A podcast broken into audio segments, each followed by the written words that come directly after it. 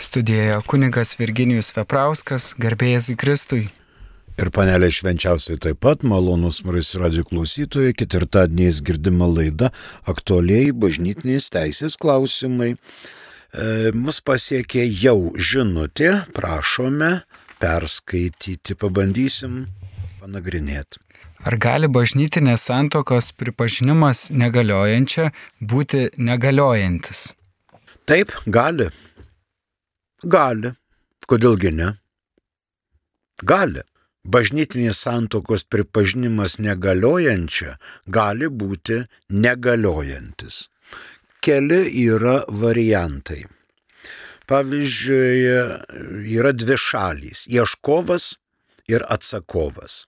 Ieškovas siekia, kad santoka buvo, būtų pripažinta negaliojančia atsakovas su tuo nesutinka ir priešinasi. Dabar ieškovas pateikia tris liudininkus, atsakovas pateikia penkis liudininkus ir jie priešingai liudyja. Tai gali būti pripažinta, kad santoka iš principo galioja. Bet gali būti ir toks variantas, kai santoka yra pripažįstama negaliojančia. Viskas aišku, viešpaties vardu bažnytinis teismas paskelbė verdiktą. Ši santoka yra negaliojanti. Kuo bažnytinis teismas remiasi?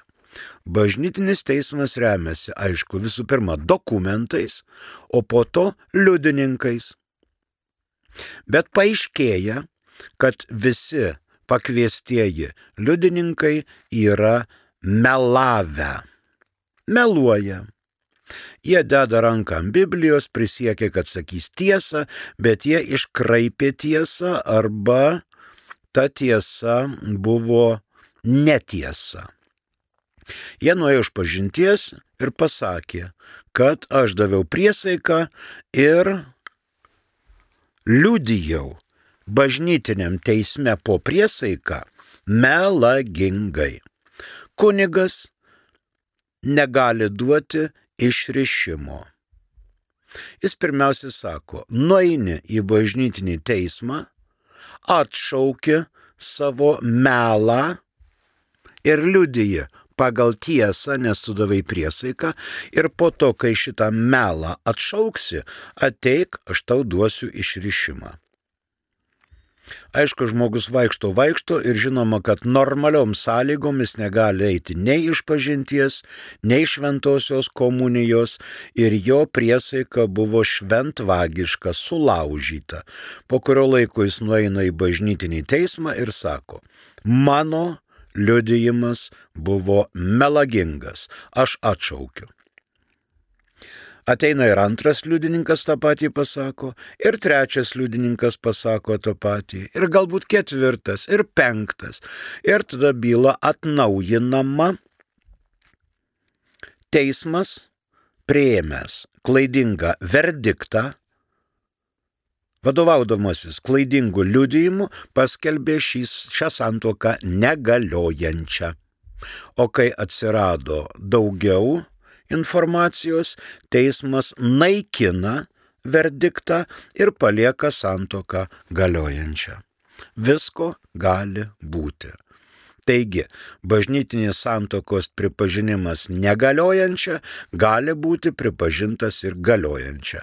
Dar yra ir kitų aplinkybių, bet mes čia turbūt jau per daug nesigilinsime.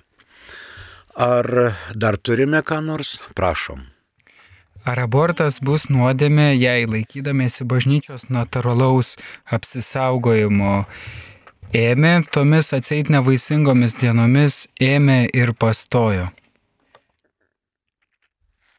E, nesupratau klausimo, jeigu ėmė ir pastojo, reiškia jau yra gyvybė. Ir žinoma, jeigu tos gyvybės bus atsisakoma, tai bus abortas. Ir tai bus sunki, didelė, mirtina nuodėmė.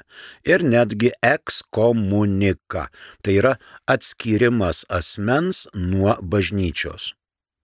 Ir ne tik to asmens, kuris daro abortą, motina, pavyzdžiui, žmona, pavyzdžiui, mergina, pavyzdžiui, bet ir tas, kuris liepia, įsako, duoda pinigų, nuveža moterį į medicinę įstaigą ir tas patenka į ekskomuniką, kadangi jis dalyvauja žmogžudystėje.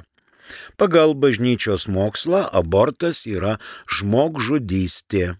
Ir tai yra nuodėmė ir asmenį atskiria nuo bažnyčios. O tai yra natūralus apsisaugojimas, nenatūralus, bet jeigu jau yra gyvybė, tai jau yra, žinoma, kitas asmuo po mamytės širdelę. Kitas. Tai jau ne motinos kūnas. Ir jinai negali sakyti, darau, ką noriu, čia mano kūnas. Jokių būdų iš mano kūno niekas neatsiranda. Tai jau yra kitas kūnas, kitas asmuo, protingos prigimties turėtojas ir bažnyčia šitą kitą silpnąjį žinoma gina. Taip, tai bus ne tik nuodėmė, bet didelė nuodėmė, sunki nuodėmė ir mirtina nuodėmė. Tomis atseit nevaisingomis dienomis. E, čia reikia medicininių žinių, stebėti savo kūną ir taip toliau ir taip panašiai.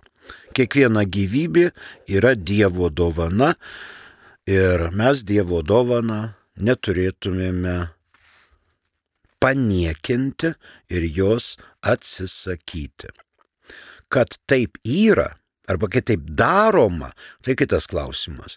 Bet bažnyčios mokslas šiuo atveju yra kategoriškas. Abortas yra nuodėmė. Ačiū. Primenu, kad girdite Marijos radio bangomis laidelę aktualieji bažnytinės teisės klausimai Praeitoje laidoje nebaigėm, neužfiksavom 1302 kanono, kad žinotumėme apie ką. Apie pamaldžius valios pareiškimus bendrai ir pamaldžias fondacijas. Pirmasis paragrafas. Tas, kuris patikėjimo teisę tiek veiksmu tarp gyvųjų tiek testamentu prieimė gerybės pamaldiems tikslams, privalo informuoti ordinarą apie patikėjimą ir jam nurodyti visas tokias tiek kilnojamasias, tiek nekilnojamasias gerybės su pridėtomis prievolėmis, jei dovanotojas aiškiai ir visiškai būtų uždraudęs tai daryti neturi priimti patikėjimo. Antras.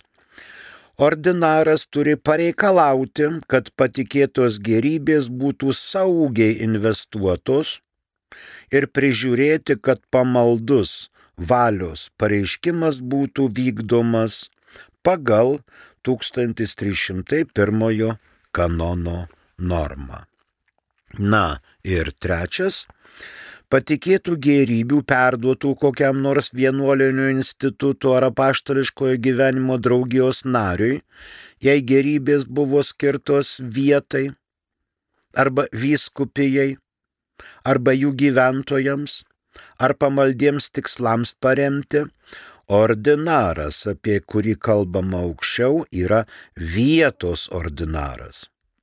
Kitu atveju yra popiežinės teisės dvasininkų instituto ir popiežinės teisės dvasininkų apaštališkojo gyvenimo draugijų aukštesnysis vyresnysis arba kitų vienuolinių institutų savas to nario ordinaras. 1302 kanoną pabaigiam. Dabar mus pasiekė žinutė. Prašom. Kodėl Jėzus visada kalbėjo apie artimo meilę, savitarpio pagalbą, draugystę, bet nieko nesakė nei apie mišes, poterius ar sakramentus? Gal tai antrailiai dalykai, nelabai reikšmingi dėl patekimo dangun? Ačiū už klausimą. Nepasirašė turbūt kas čia šiaip toksai iš, iš lempos. Aišku, ne visada Jėzus kalbėjo apie artimo meilę, apie savitarpio pagalbą ir apie draugystę. Jėzus nekarta yra pasakęs, aš atėjau nešti ne santarvės, bet karlavijo. Nuo šiol du bus susipriešėję su trim šeimoje, o trys prieš du. Marčia stos prieš Anytą, o Anyta prieš Marčią. Kur čia yra artimo meilė, savitarpio pagalba ir draugystė.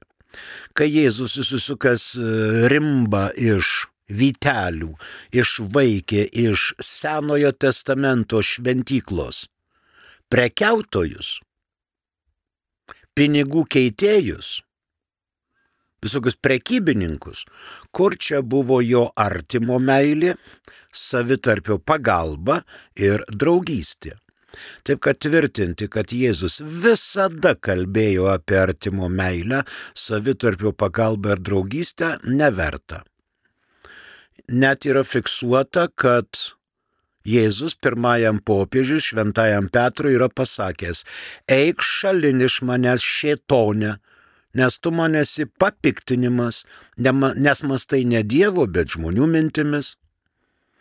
Pirmajam popiežiui pasakė, eik šalin šėtonę.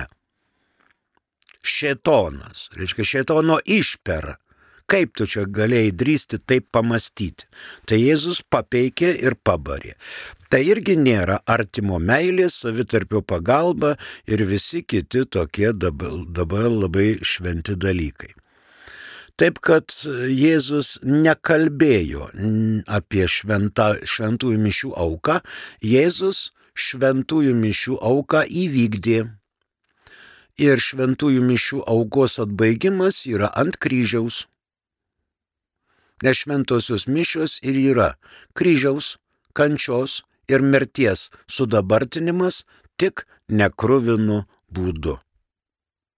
Apie sakramentus Jėzus nekalbėjo, bet juos įsteigė, nes sakramentas yra Kristaus įsteigtas regimas ženklas Dievo maloniai gauti.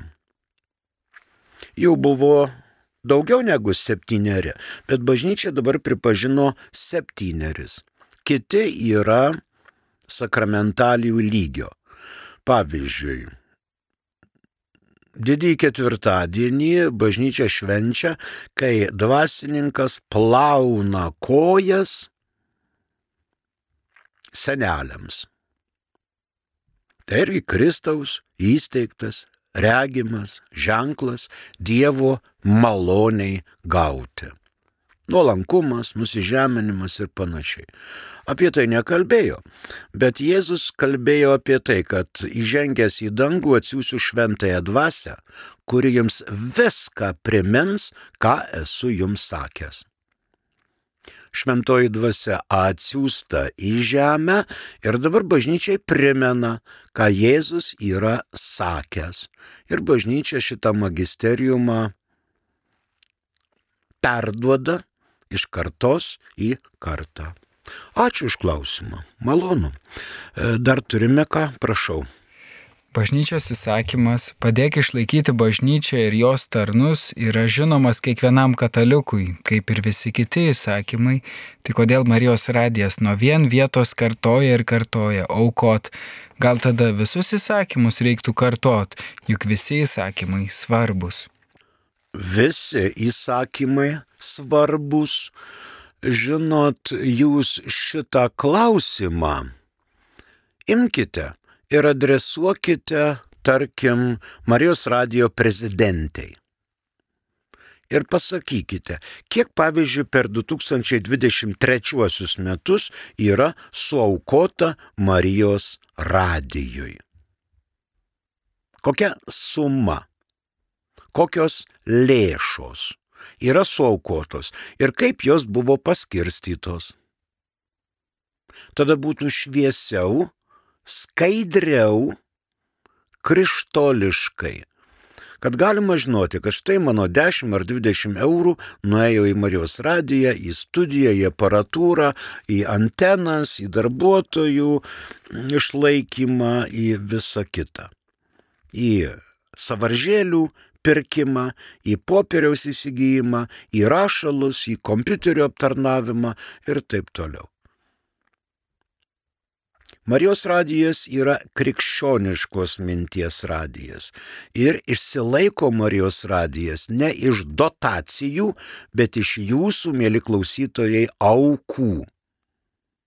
Jeigu nebus aukojama, Marijos radijas neišsilaikys padėk išlaikyti savo bažnyčią ir jos tarnus. Tai yra bažnyčios įsakymas tikinčiajam, kad jis padėtų išlaikyti savo bažnyčią ir jos tarnus. Bet įsakymo, kad išlaikytų Marijos radiją, nėra. Nes bažnyčia nėra Marijos radijas. Tai tai krikščioniška, na, informavimo priemonė. O mes čia esam tik tai savanoriai. Turim laiko ateinam, neturim laiko neteinam, mes čia esam nelabai tokie darbuotojai. Šiaip vad, randam poziciją ir mums dar leidžia Marijos radijas čia kalbėti. Ačiū. Kitas klausimas, prašom. Garbėzui Kristui, ar Kristaus aukos sudabartinimas ir nuolatinis atkartojimas nėra vertimas Kristui kentėti vėl iš naujo? Ar to bereikia prisikėlusiam Kristui, klausė Virgilijus. Aha, Virgilijau, reikia.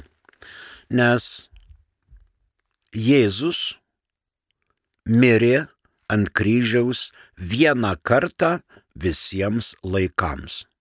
Ten prieš tos 2000 metų.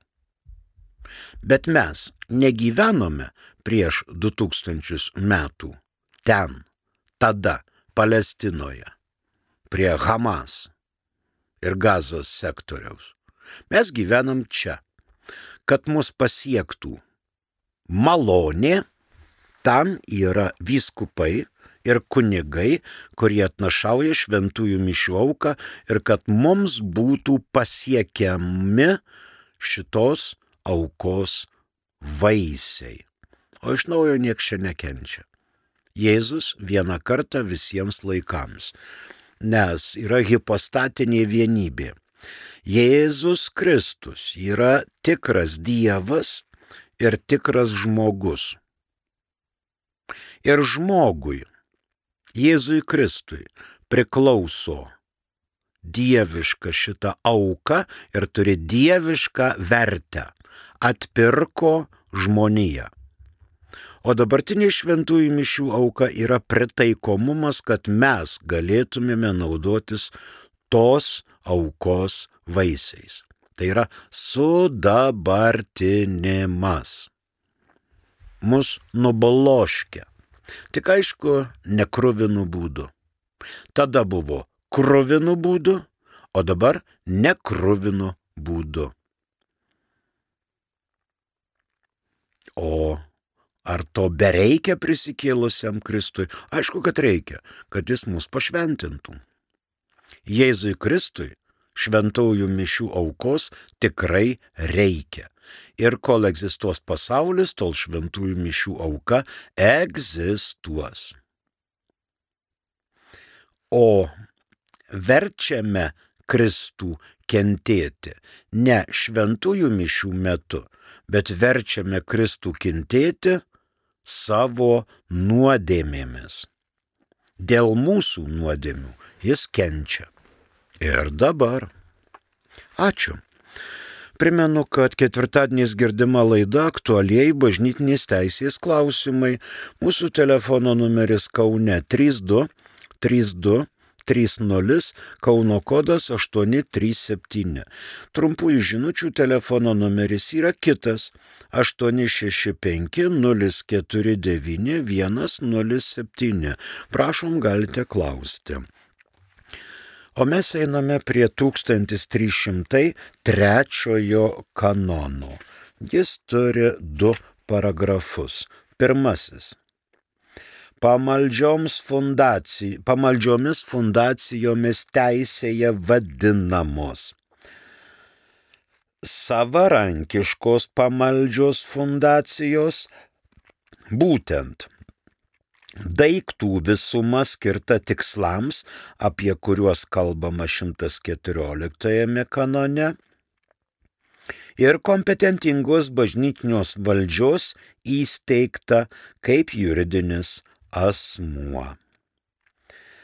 Sa nesavarankiškos, pamaldžios fundacijos, būtent laikinosios gerybės, kokiu nors būdu duotos viešajam juridiniam asmeniui su prievole ilgesniam laikui nustatytam partikuliarinės teisės iš metinės gražos celebruoti mišes ir vykdyti kitas konkrečias bažnytinės fundacijas arba siekti tikslų, apie kuriuos kalbama 114 kanono antrajame paragrafe. Antras. Nesavarankiškos fundacijos gerybės jai buvo patikėtos dieceziniam vyskupui pavaldžiam juridiniam asmeniui. Pasibaigus laikui turi būti perduotos institutui, apie kurį kalbama 1274 kanone. Nebent steikėjas būtų aiškiai pareiškęs, kokią valią kitu atveju, kitokią valią, kitu atveju pereina pačiam juridiniam asmeniui. Dabar matau, kad atėjo žinutė, bet dar mes 114 žvilgterėkime antrąjį paragrafą. Kas čia mums? Tada ir pirmą perskaitykim. Juridiniai asmenys įsteigiami arba pačios teisės nuostata, arba specialiu kompetentingos valdžios leidimu išreikštų dekretu kaip asmenų ar daiktų susivienijimas nukreiptas į bažnyčios misiją atitinkantį tikslą, viršijantį atskirų asmenų tikslą. Ir mums rūpimas antras tikslai minimi aukščiau išvardytame paragrafe, suprantami kaip tie, kurie yra susiję su pamaldumu, apaštalavimu ir meilės tiek dvasinės, tiek materialios darbais. O dabar žinutė, prašom. Jei Petrą vadiname pirmojų popiežiumi, tai kodėl po nukryžiavimo pirmasis Jeruzalės bažnyčios vadovas buvo Jėzaus brolis Jokūbas? Romoje bažnyčia dar nebuvo įsteigta, tai juk byloja istorija. Na matot, istorija tai gal jums ir ką nors byloja. Bet jeigu atsiverčiame Evangeliją pagal šventą matą, kad ir tą pačią šešioliktą skyrių, pagal žydišką tradiciją, kaip žydai suprato, kad e, ne Jokūbas buvo popiežius pirmasis, bet Petras, kai buvo visuotinės susirinkimas Jeruzalėje. Petras stojo ir pasakė savo mintį. Niekas iš kitų apaštalų neprasitarė ir nesakė, ei tu, kas tu toksai, kas tave įgaliojo. Visiems buvo aišku, kad Petras yra pirmasis popiežius ir jo žodis čia yra paskutinis. Kaip minėjau, Matas 16 skyrelis mums atneša štai kokią mintį. Jėzus sakė, tu esi Petras uola, ant tos uolos aš pastatysiu savo bažnyčią ir pragaro vartai jos nenugalės. Iš kur šitas dalykas? Jeruzalės šventykloje buvo aukojamos atnašos Senojo testamento ant uolos. Ta darė vyriausias kunigas. Ir kad jisai Dievo akivaizdoje nenumirtų, jam net prie kojos buvo pririšta virvi, kad jeigu jis mirš, miršta, tai nuo Dievo artumo, kas nueis ir jį paims. Tai yra virvė už kojos ištraukti vyriausiai kunigą nuo to akmens. Galų gale Jeruzalės šventykla buvo savaime išniekinta, nes Jeruzalės šventyklos durys atsivėrė. Jas maždaug 20 žmonių grupė galėtų uždaryti, o jos savaime atsivėrė. Tai buvo išniekinta šventykla. Ir kunigai paėmė raktų švystelio į dangų, sako viešpatį mes neverti, mes jau mums šakės, mes neišlaikėme šventovės šventumo tu dabar rūpinkis, tu paink tuos raktus ir būk tas, kuris mums vadovauja. Tai va, Jėzus sakė, aš duodu tau raktus. Tai va, tu esi Petras uola, ant tos uolos aš pastatysiu savo bažnyčią, ne Seno testamento, kur buvo, bet Naujo testamento bažnyčią, ant Petro kaip uolos. Toliau duoti buvo Petrui raktai. Ką tu suriši žemėje, bus surišta ir danguje, ir ką atriši žemėje, bus atrišta ir danguje. Petras turėjo surišimo ir atrišimo galę. Prisiminkime, Jėzus sakė, niekas neina pas galiūną į namus, prieš tai jo nesurišęs. Tai mes taip ir galvojame, reiškia, Dieve, Dieve, čia jau ateina plėšikas ir mus gerus surišta, tada apiplėšia. Jėzus turėjo omenyje, kad jis surišta, suriša velnę ir šėtoną ir duoda Petrui raktus. Imk raktus atrakink to galiūno duris ir tu jį surišk ir išlaisvink iš šėtono valdžios esančias sielas. Tau duota surišimo ir atrišimo gale.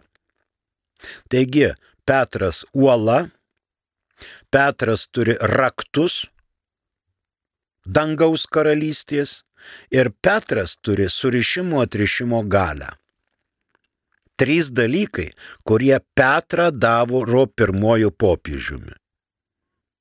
Tai yra Jeruzalės laikai. Galima sakyti, šventas ten mm, turbūt ar matas, Indijoje ten apaštalavo, visi kiti kur nors kitur, visi ten veikė, bet šventas apaštalas Petras yra pirmasis popiežius. O Jokūbas, žinoma, buvo Jėzaus pusbrolis, ne brolis. Bažnyčia įsteigta per šventosios dvasios atsiuntimą. Kai nužengė į žemę šventoji dvasia.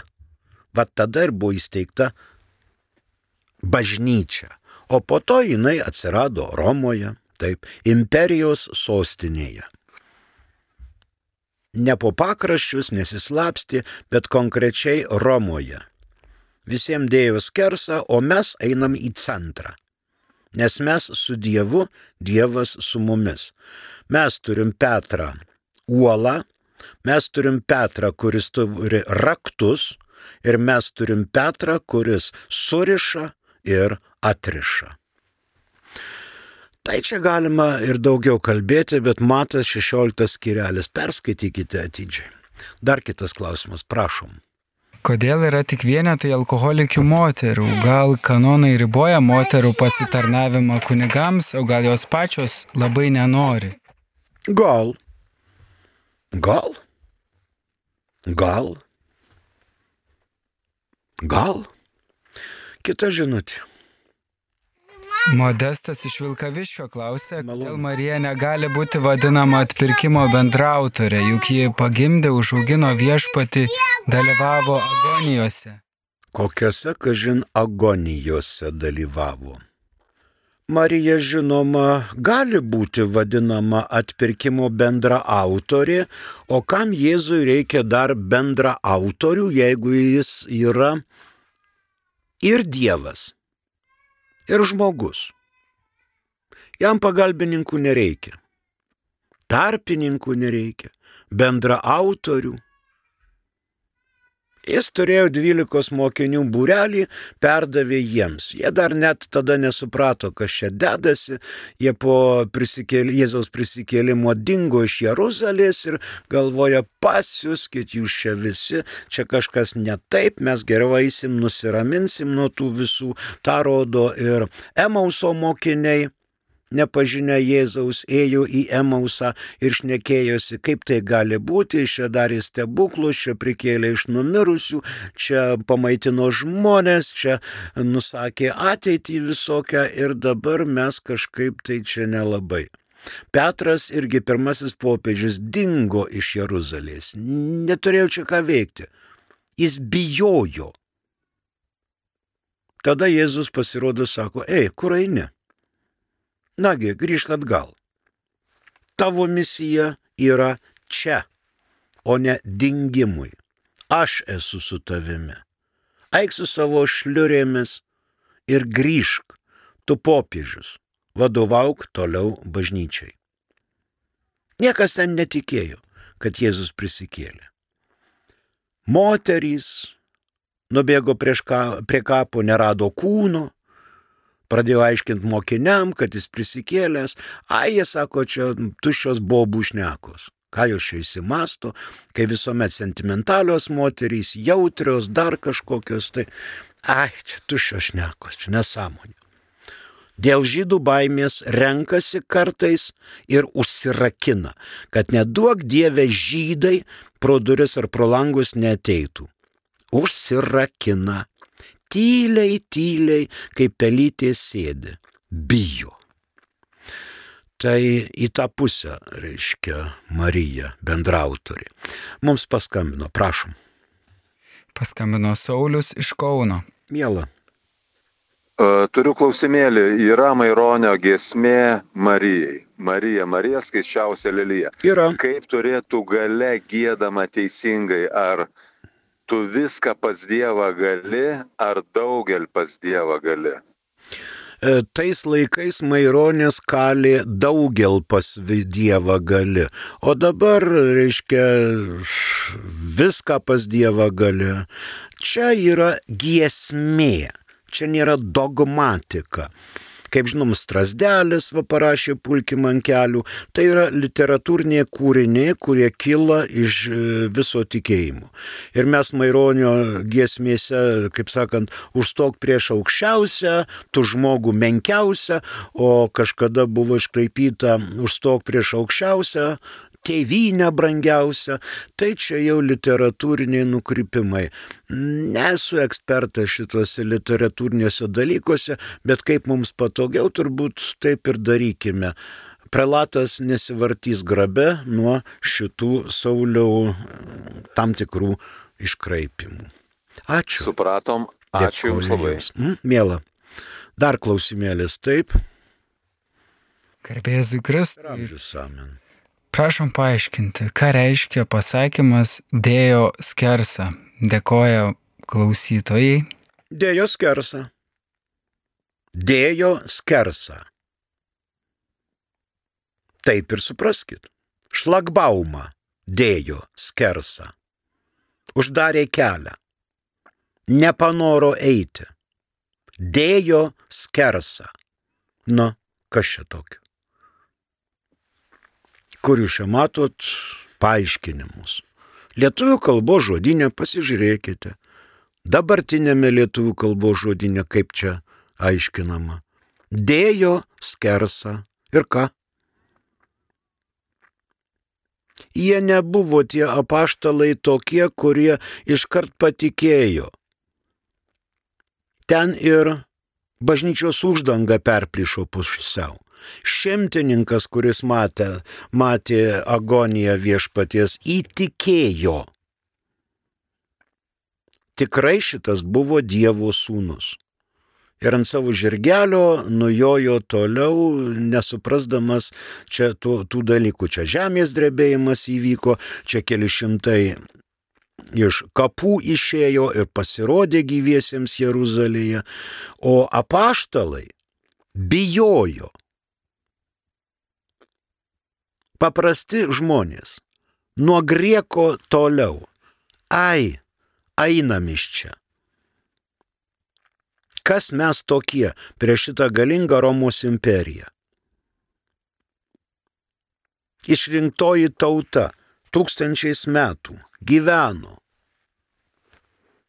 meldėsi, laukė išganytojo, laukė, kad tas ateitų su visa, mm, su žemės drebėjimais, kad nuvers e, okupacinę Romos imperatoriaus valdžią, kariuomenę, išlaisvint žydų tautą ir vėl iš vynogių kekės bačką vyno prispaus, kai krantai medumi bus ištepti, kai pieno upės tekės, štai tokio Jėzaus išganytojo mesijo laukia. O dabar prikaltas prie kryžiaus, kraujuoja, prakaitai, krešuliai, uodos, sparvos, vabaliukai visokie, kanda, dar aiškiečių vainikas ant galvos, nuplaktas. Nu tai visi dėjo skersą, dingo, kol šventa dvasia juos visus surinko. Ačiū.